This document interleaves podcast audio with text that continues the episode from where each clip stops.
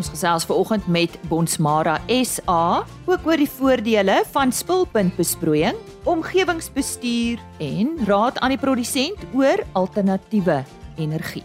Dis 'n RC Landbou veraloggend goeiemôre, baie welkom. Bonsmara SA 24 24 hul 60ste bestaanjaar. Louis Styl, hoofuitvoerende beampte van Bonsmara SA, het onlangs by ons in die ateljee kom kuier. Louis, voor ons nou daaroor gesels, die vleisbedryf het hierdie jaar gebuk gegaan onder swakker pryse. Het dit ook Bonsmara stoetveilings benadeel? Dankie baie Elise. Uh ja, nee, dit is verseker so. Die um, bedryf het 'n bietjie 'n moeilike jaar wat veral spesifiek die speenkalfprys aanbetref en uh, en 'n mens kon dit sien. Maar ek moet sê ons was in 'n groot mate baie gelukkig geweest. Ehm um, daar was sekere streke waar jy kon sien dat daar 'n bietjie van 'n demper op die prys was en mense kan dit verstaan. Vir die kommersiële teeler, hy maak sy geld uit sy speenkalvers uit.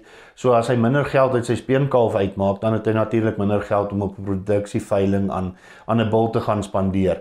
Maar ehm um, desnieteenstaande moet ek eerlikwaar sê, was ons eintlik regtig tot en met hierdie stadium was ons baie gelukkig geweest en het die Bonsmara stoetveilings baie goed gedoen. Daar is veilings wat 'n bietjie onder hulle gemiddeld van laas jaar was en dan sal ook baie veilings wat bo gemiddeld was. En dan was daar natuurlik ook nou 'n paar rekordpryse hierdie jaar wat net weer eens bewys die bedryf is baie gesond ten spyte daarvan laat ons baie keer maar maar 'n daling in die speenkalfprys sien en dit ons is baie bly dat hy eintlik relatief vinnig gestabiliseer het en dat hy nou vinnig weer besig is om op 'n goeie vlak te te kom wat uh, vir die veilinge wat voorlê vir die res van die jaar natuurlik 'n uh, goeie nuus is. Ja, kom ons praat oor die res van die jaar. Ek bedoel die jaar is al amper besig om na sy einde toe te stap. So wat lê nog vir julle voor? Ja, 2023 het soos al die ander jare so verbygevlieg. Ons sit al klaar klaar weer amper in die lente. En uh, ja, vir die res van die jaar het ons ons uh, fo ons fokus bietjie op opleidings. Ons het 'n paar teeleropleidings wat ons gaan hou. Daar's natuurlik nog 'n klompie veilinge wat kom in September en Oktober vir die, vir die Bonsmara ehm um, genootskap en uh, ja, so ons wil ons ons probeer om altyd die einde van die jaar bietjie te fokus op die teelers, op die kommersiële teelers en uh, regtig te wy aan aan opleiding en weer geleenthede te bied waar die ouens wil ek amper sê hulle self kan opskerp. Die dekseisoen is nou weer weer om die draai en uh, ja, dit is altyd lekker om so so aan die einde van die jaar weer te fokus op die beplanning vir die volgende jaar. Dan voel jy daar 'n bietjie meer gereed in Januarie as die warboel weer begin. Nou goed, 2024, 60 jaar vir Bonsmara SA. Wanneer presies is dit volgende jaar? Ja, die stigting van die genootskap was op die 25ste Februarie 1964 gewees. So dit val toevallig naby aan ons datums dat ons ons Maart funksieweek is mos altyd die tweede week van Maart. So ons is net so 2 weke na ons amptelike datum wat ons met ons vieringe gaan begin. En uh, ja, ons sien baie uit na 2024 en wat alles gaan kom. Ehm um, ons het nogals groot belangstelling in die in die buitelandse ehm um, Bonsmara teelers in Suid-Amerika en Amerika en natuurlik Namibië en ons buurlande wat almal wil kom saam fees vier. So ons sien regtig uit daarna om dit 'n groot jaar te maak. Ons hou dit soos soos altyd in Parys. Ehm um, ons funksies gaan by Stonehenge River Lodge wees en hierdie jaar het ons op die maandag voeg ons bietjie 'n golfdag by, 'n lekker sosiale geleentheid. So ons gaan by Val de Grand Parys gaan uh, kan die ouens bietjie uh, meeding op die golfbaan en net bietjie sosiaal verkeer en dan is ons funksies by Stonehenge River Lodge uh, waar natuurlik ons kommunikasie gaan gebeur, ons uh, algemene jaarvergadering en natuurlik ons rooi ras geleentheid en dan skuif ons van daar af oor na uh die Afridome in Parys. Ehm um, so dit gaan die 11de, 12de en die 13de Maart is dan nou ons Bonsmara funksies in Parys. Nou ja, iets om na uit te sien 11, 12 en 13 Maart 2024. Net so. Dankie ja. baie Elise. Geluk so lank. dankie daarvoor. ons sal volgende jaar weer gesels. Dis dan Louis Stel, die hoofuitvoerende beampte van Bonsmara SA wat vandag met ons gesels oor hulle vieringe in 2024 en ook oor die vleisbedryf in die algemeen en die Bonsmara se prestasie. Ons gesels vandag oor die belangrikheid van besproeiing. Nou talle van ons boere maak van besproeiing gebruik, maar uh, ons vind vandag uit wat is nou eintlik die rede agter die gebruik van besproeiing en en waarom die effektiwiteit van besproeiing ook so belangrik is. Ek gesels met Tanya Brits, sy is kliëntediens en bemarkingsbestuurder vir Lindsay Africa en uh, as ons hoor van Lindsay Africa dan hoor ons ook sommer die naam Zematic. Tanya, waarom is besproeiing ook noodsaaklik? Hallo Lise, lekker om weer met jou te kan gesels. Um weet jy daar's soveel redes, maar een kenmerk wat baie belangrik is vir my is stabiele watervoorsiening. Besproeiing verseker die regte hoeveelheid water vir gewasse Hierdie stabiliteit is krities vir die bereiking van hoë opbrengste en produkkwaliteit. Dan is daar ook gewasdiversiteit en verlengde groeiseisoene. Besproeiing stel boere in staat om 'n breë verskeidenheid gewasse te verbou wat dalk nie goed by die plaaslike klimaat of reënvalpatrone pas nie. Hierdie diversifikasie verhoog voedselsekerheid en ekonomiese stabiliteit deur die afhanklikheid van 'n enkele gewas te verminder. Maar hoekom spulpunt besproeiing? ja. Ehm um, as ons kyk na gemekaniseerde besproeiing met spulpunte en laterale, kan jy sien die groei is 'n wêreldwye voorkeursbesproeiingsmetode vir boere. Dit is maklik om te gebruik en bied 'n lae instandhoudingskoste. Die installasie is vinnig en afstandbeheer is beskikbaar vanaf enige plek. Vertel ons nou meer van julle Lindsay of Lindsay Africa? Lise, Lindsay is 'n wêreldwye besproeiingsleier. Alle Zematic en FieldNet produkte is ontwerp om boere te ondersteun om meer te groei en minder noodsaaklike hulpbronne soos water en energie te gebruik. En waar is julle geleë, Tanya? Ons vervaardig met trots ons Zematic spulpunte hier in Bellville, Kaapstad. Ons het ook voorraad van spulpunt onderdele en 'n hoogs bekwame handelaarsnetwerk wat gereed is om boere reg oor Afrika te ondersteun. Hoe kan boere met julle in verbinding tree? Boere kan ons skakel by 021 986 8900 waar ons hulle sal verwys na die naaste Zematic handelaar in hulle omgewing. En dan wil ek ook net asseblief graag alle boere uitnooi na vanjaar se Nampo Kaap vanaf die 13de tot die 16de September in Bredasdorp.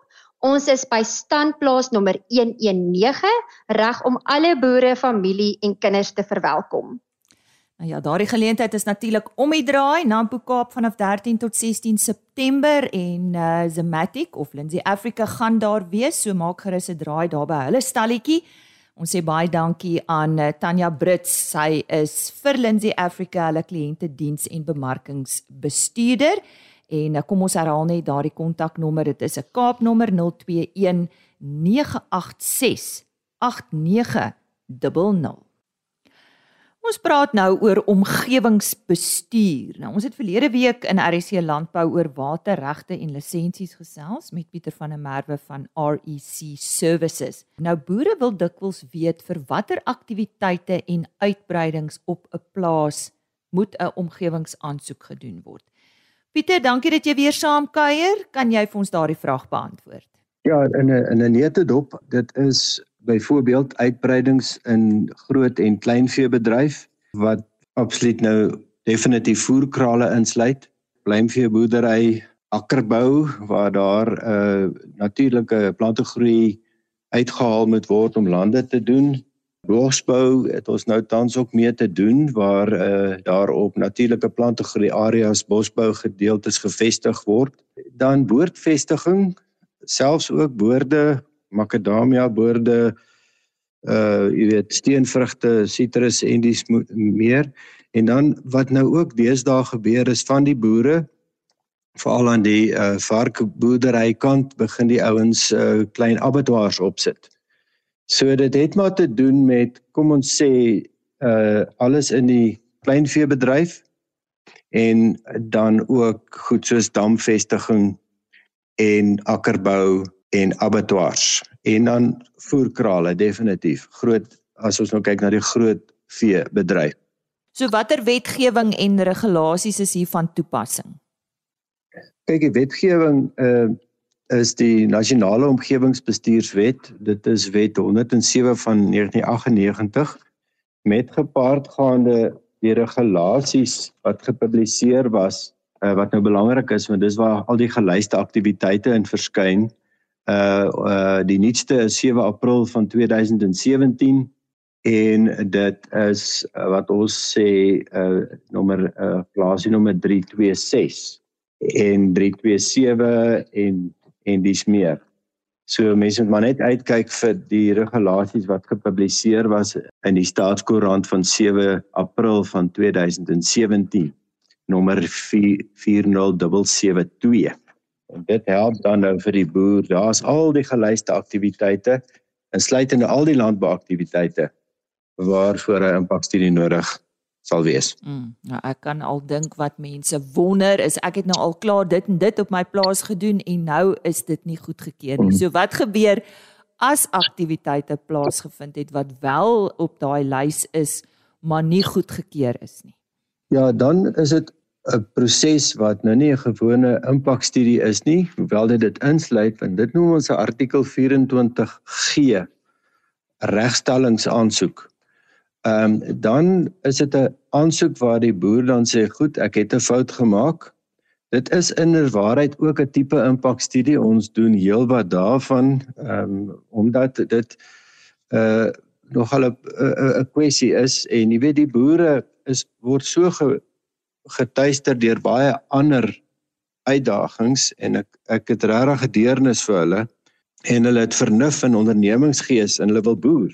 Maar Nou kom hierdie ding partykeer na vore.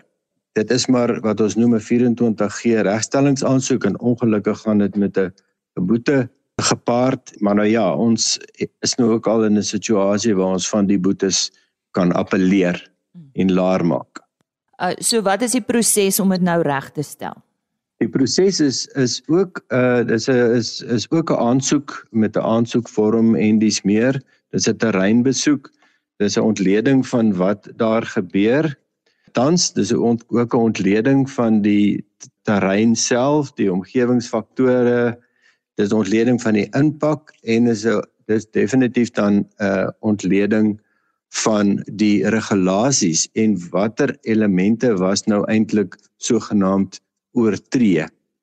So dit is 'n paar stappe wat ons volg En uh ongelukkig is daar nie 'n tydraamwerk aan verbonde nie. Dis dit is so in die impakstudies gewoonweg is dit um 9 en 'n half maande.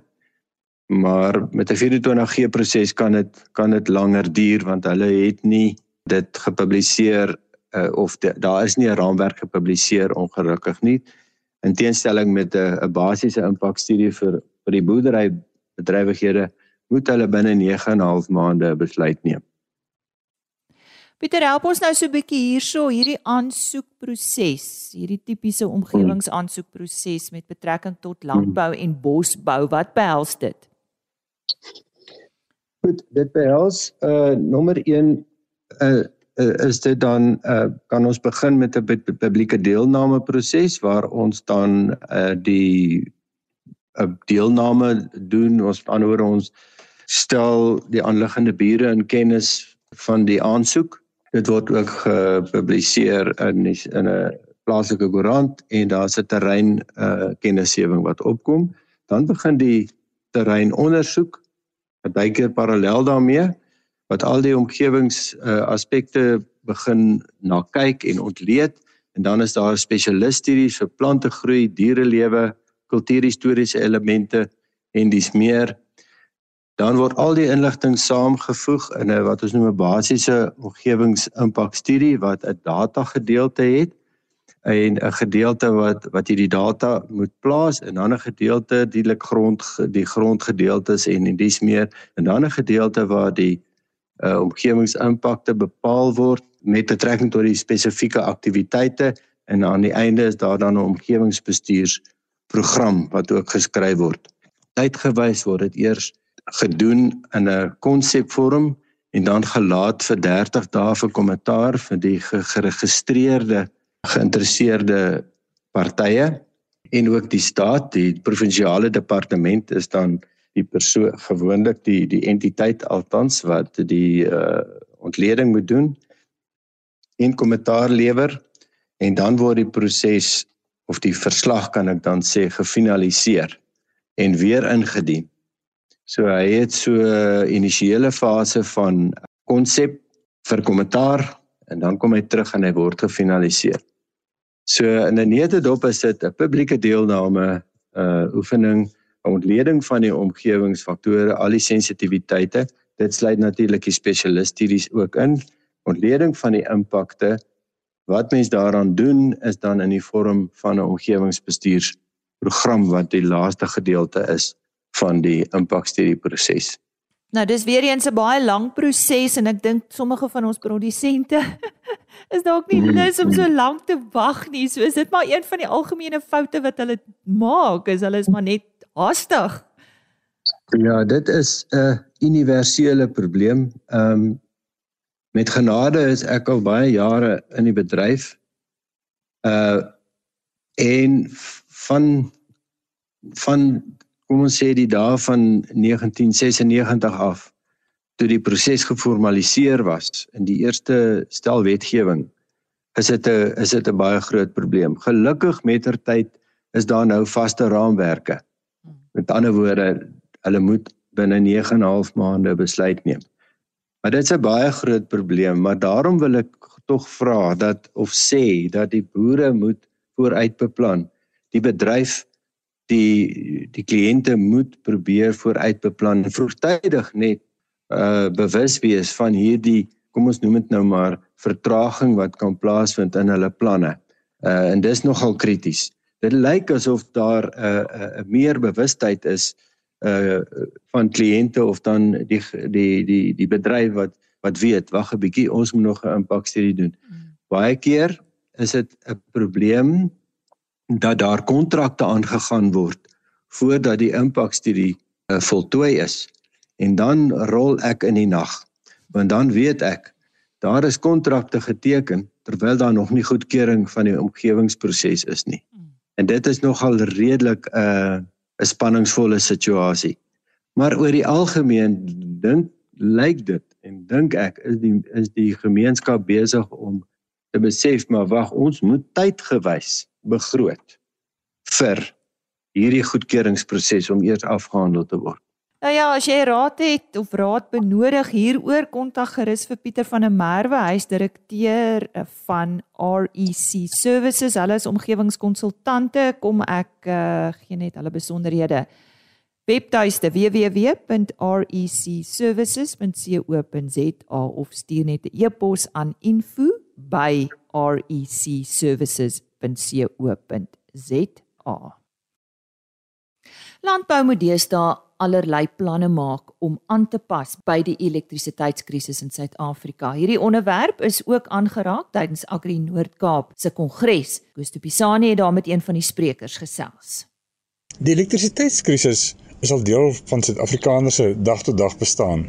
Tydens die Agri Noord-Kaap Kongres was dit ook een van die besprekingspunte. En ek het met Gerrit Meyer, wat een van die paneellede was en ook 'n uh, hy's ook betrokke by Home Energy. Ek het met hom gesels. Gerrit, hoe raak die elektrisiteitskrisis spesifiek die landbousektor?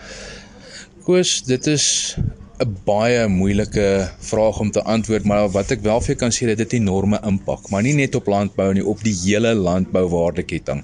Van die kunsmisvervaardiger of die spuitstofvervaardiger tot en met die koöperasie wat hierdie spuitstof moet koud hou en waar dit moet deurgaan op die plaas self. Jy kan nie pomp nie, jou gewasse kry nie water op die regte tyd nie. Ehm um, as jy 'n hoenderboer het, het jy daai uitdagings want dit het 'n impak op die groei en op die voer. So dit is dit is 'n vreeslike storie. As jy aartappelboer het, jy wassery staan en dan lê jou aartappels in die, in die wasbak en dit is ook nie goed vir hulle want dit verkort vir jou rakleeftyd. Van daar af kyk ons ons fokus skuif nou weer na die na die eindverbruiker toe. Sy rakleeftyd in die winkel is min en die eindverbruiker se leeftyd op sy yskas is ook net so min. So die hele waardeketting word geïmpakteer enorm deur load shedding. Wat is die potensiële impak van die elektrisiteitskrisis op die voedselsekuriteit? Dit het 'n direkte impak op voedselsekuriteit. Ehm um, as 'n ou vat die die boere plant minder voedsel want hulle het nie genoeg tyd om te besproei nie. Die opbrengs is swakker want hulle besproeiings tyd kan nie volhoubaar gehou word nie. Die kunsmis word nie op die regte plekke, op die regte tye afgelewer nie. So dit is 'n uitdaging. So dit het 'n direkte gevaar op voedselsekuriteit en dan die beperkte voedsel wat nou geskep word en genereer word se rakleeftyd is ook natuurlik belemmer as gevolg van die feit dat die uit die koue ketting word nie onderhou nie. Jy praat nou van die krisis wat by die boere in die gesig staar. Maar kon hulle al innoverende oplossings kry daarvoor of of is daar nie oplossings nie? Daar is baie innoverende oplossings, maar natuurlik dit is is haar begroting, vraag 1 en is daar natuurlik die wil om dit te doen op daai stadium en is daar die kundigheid. Ons moet verstaan dat as jy 'n solarstelsel implementeer die werk met masjiene, wat is jou bystand? Dis masjiene masjiene breek. Is daar toegang tot spaar onderdele? So jy al wanneer jy 'n solar uh, verskaffer kies, maak seker dat jy 'n goeie ou kies wat hierdie verstaan, wat die regte produk gaan vir jou lewer, wat toegang het tot onderdele en binne 'n redelike tyd by jou kan kom om jou by te staan sou iets val want dit gaan gebeur, dis 'n masjien. Dit is soos 'n soos enige ander van jou implemente. Hy word gediens en dan so is daai by die goed breek. So dit is nie wanneer dit goed gaan wat wat jy moet die regte ou en nie so wanneer dit sleg gaan. En dan natuurlik onthou ook dis nie net jou waardeketting wat jy onderlei nie, dit is ook jou sekuriteit. Want die oomblik wat jy nie jou buitelug aan het nie of jou kommunikasiestelsel val, is jy op risiko. Ons weet wat die huidige situasie is op die plaas in terme van landelike veiligheid. Ehm, wat is jou raad aan boere wat probeer om uh op te privatiseer of om hulle eie krag te voorsien? Die die belangrikste ding wat ons moet besef heidaglik is Eskom nog steeds jou goedkoopste energie. Ehm uh, maar as jy wil aanhou om winsgewend te boer, gaan jy alternatiewe krag moet inkry. Want anders gaan jy aanhou om swak opbrengste te hê. Jy gaan aanhou om blootgestel te wees op sekuriteitsrisiko's en dis onnodige spanning en is onnodige risiko wat jy loop. Dis nou 'n baie goeie tyd om te investeer want as jy kyk wat jy tans betaal per kilowatt, um, ons weet Eskom gaan weer opgaan met omtrent so 15-16%, dan is dit 'n baie gelykbreek syfer en wees wees slim. Geen twee plase is dieselfde nie. Kyk wat gaan vir jou werk. Gaan 'n huuropsie vir jou werk? Gaan net 'n opsie waar jy net jou hernubare krag aankoop vir jou werk of gaan jy jou uitrusting besit? En dit gaan moet jy in kombinasie van jou besigheid, jou unieke landboubesigheid, daai besluite moet vat. Dit is altyd maklik om besluite te wees te neem as jy al die feite het. So so weer eens, as jy die regte solar um, verskaffer kies, dan sal hy jou reg konsulteer in terme met van hierdie proses. As jy dan uh, besluit om die uh, solarstelsel op te sit, wat kan jy doen om jou ehm um, jou jou onderhoud en jou instandhouding te vergemaklik? Daar's natuurlik altyd twee opsies. Die een is jy betaal jou solarverskaffer om die onderhoud te doen. Alternatiefelik, as jy dit self wil doen, laat hy jou oplei en hy gee vir jou handleiding wat jou onderhoud is. Hierdie is nie baie moeilike opleiding nie. Dit is letterlik soos dit as jy dit op jou paneelkant maak seker al jou koneksies lekker styf vas hou hom skoon as al stof op is volleer tot 60% van generasie so maak seker dat die panele skoon is en dan natuurlik ook um, as daar batterye by is dis maar gereelde gaan kyk dat alles mooi vasgedraai is kyk dat dit skoon is kyk dat die filters vervang word. Die jou inverter het 'n filter 'n lugfilter wat vervang moet word en jou lithium batterye ook so jy sê dat boere wat in 'n gemeenskap bly kan kan gesaamspan en en en een gesamentlike stelsel opsit of is dit maar 'n geval van elke man op sy eie plaas? Daar's moet daar's voor en nadele vir beide en mense moet die voor en nadele verstaan. As dit jou eie stelsel is, moet jy verstaan jy ontwerp vir wanneer jy die meeste krag gebruik sodat hierdie stelsel nie sal trip nie. So wat gebeur met daai ekstra energie dan want jy's 'n seisonale kraggebruiker want jy's 'n landbouer wat doen jy met daai krag? So dit is baie belangrik wanneer jy jou solar verskaffer kies om seker te maak dat hierdie ou uh, ons noem dit van 'n trading agreement het dat jy hierdie krag kan verkoop weer aan iemand anders sodat die stelsel homself vinniger afbetaal en dat jy daarom vir hierdie energie wat jy genereer het en nie gebruik nie vergoeding kry. As jy 'n gesamentlike stelsel gaan neersit, sit die die stelsel in 'n besigheid in skryf die reëls vir die besigheid baie mooi sodat daar nie misverstande is nie. Kommunikeer die reëls dat almal die reëls ken van die besigheid en daarby teken dat hulle dit so aanvaar om toekomstige ongelukkigheid te te vermy. Want onthou dit is 'n stelsel wat onderhou moet word en dan mense is maar mense in die toekoms dan sê die ou ja maar ek gebruik minder krag en ek betaal nog die en so meer en so meer. So om toekomstige ongelukkigheid en konflikte vir vir my stel die reëls vas dag 1 Dit was Gerrit Meyer wat so gesels. Ek is Koos de Pisani vir RC Landbou op Kimberley. Dis dan vandag se RC Landbou. Kuier weer môre. Ons nooi jou uit. Totsiens. RSG Landbou is 'n plaas media produksie met regisseur en aanbieder Lize Roberts en tegniese ondersteuning deur Jolande Rooi.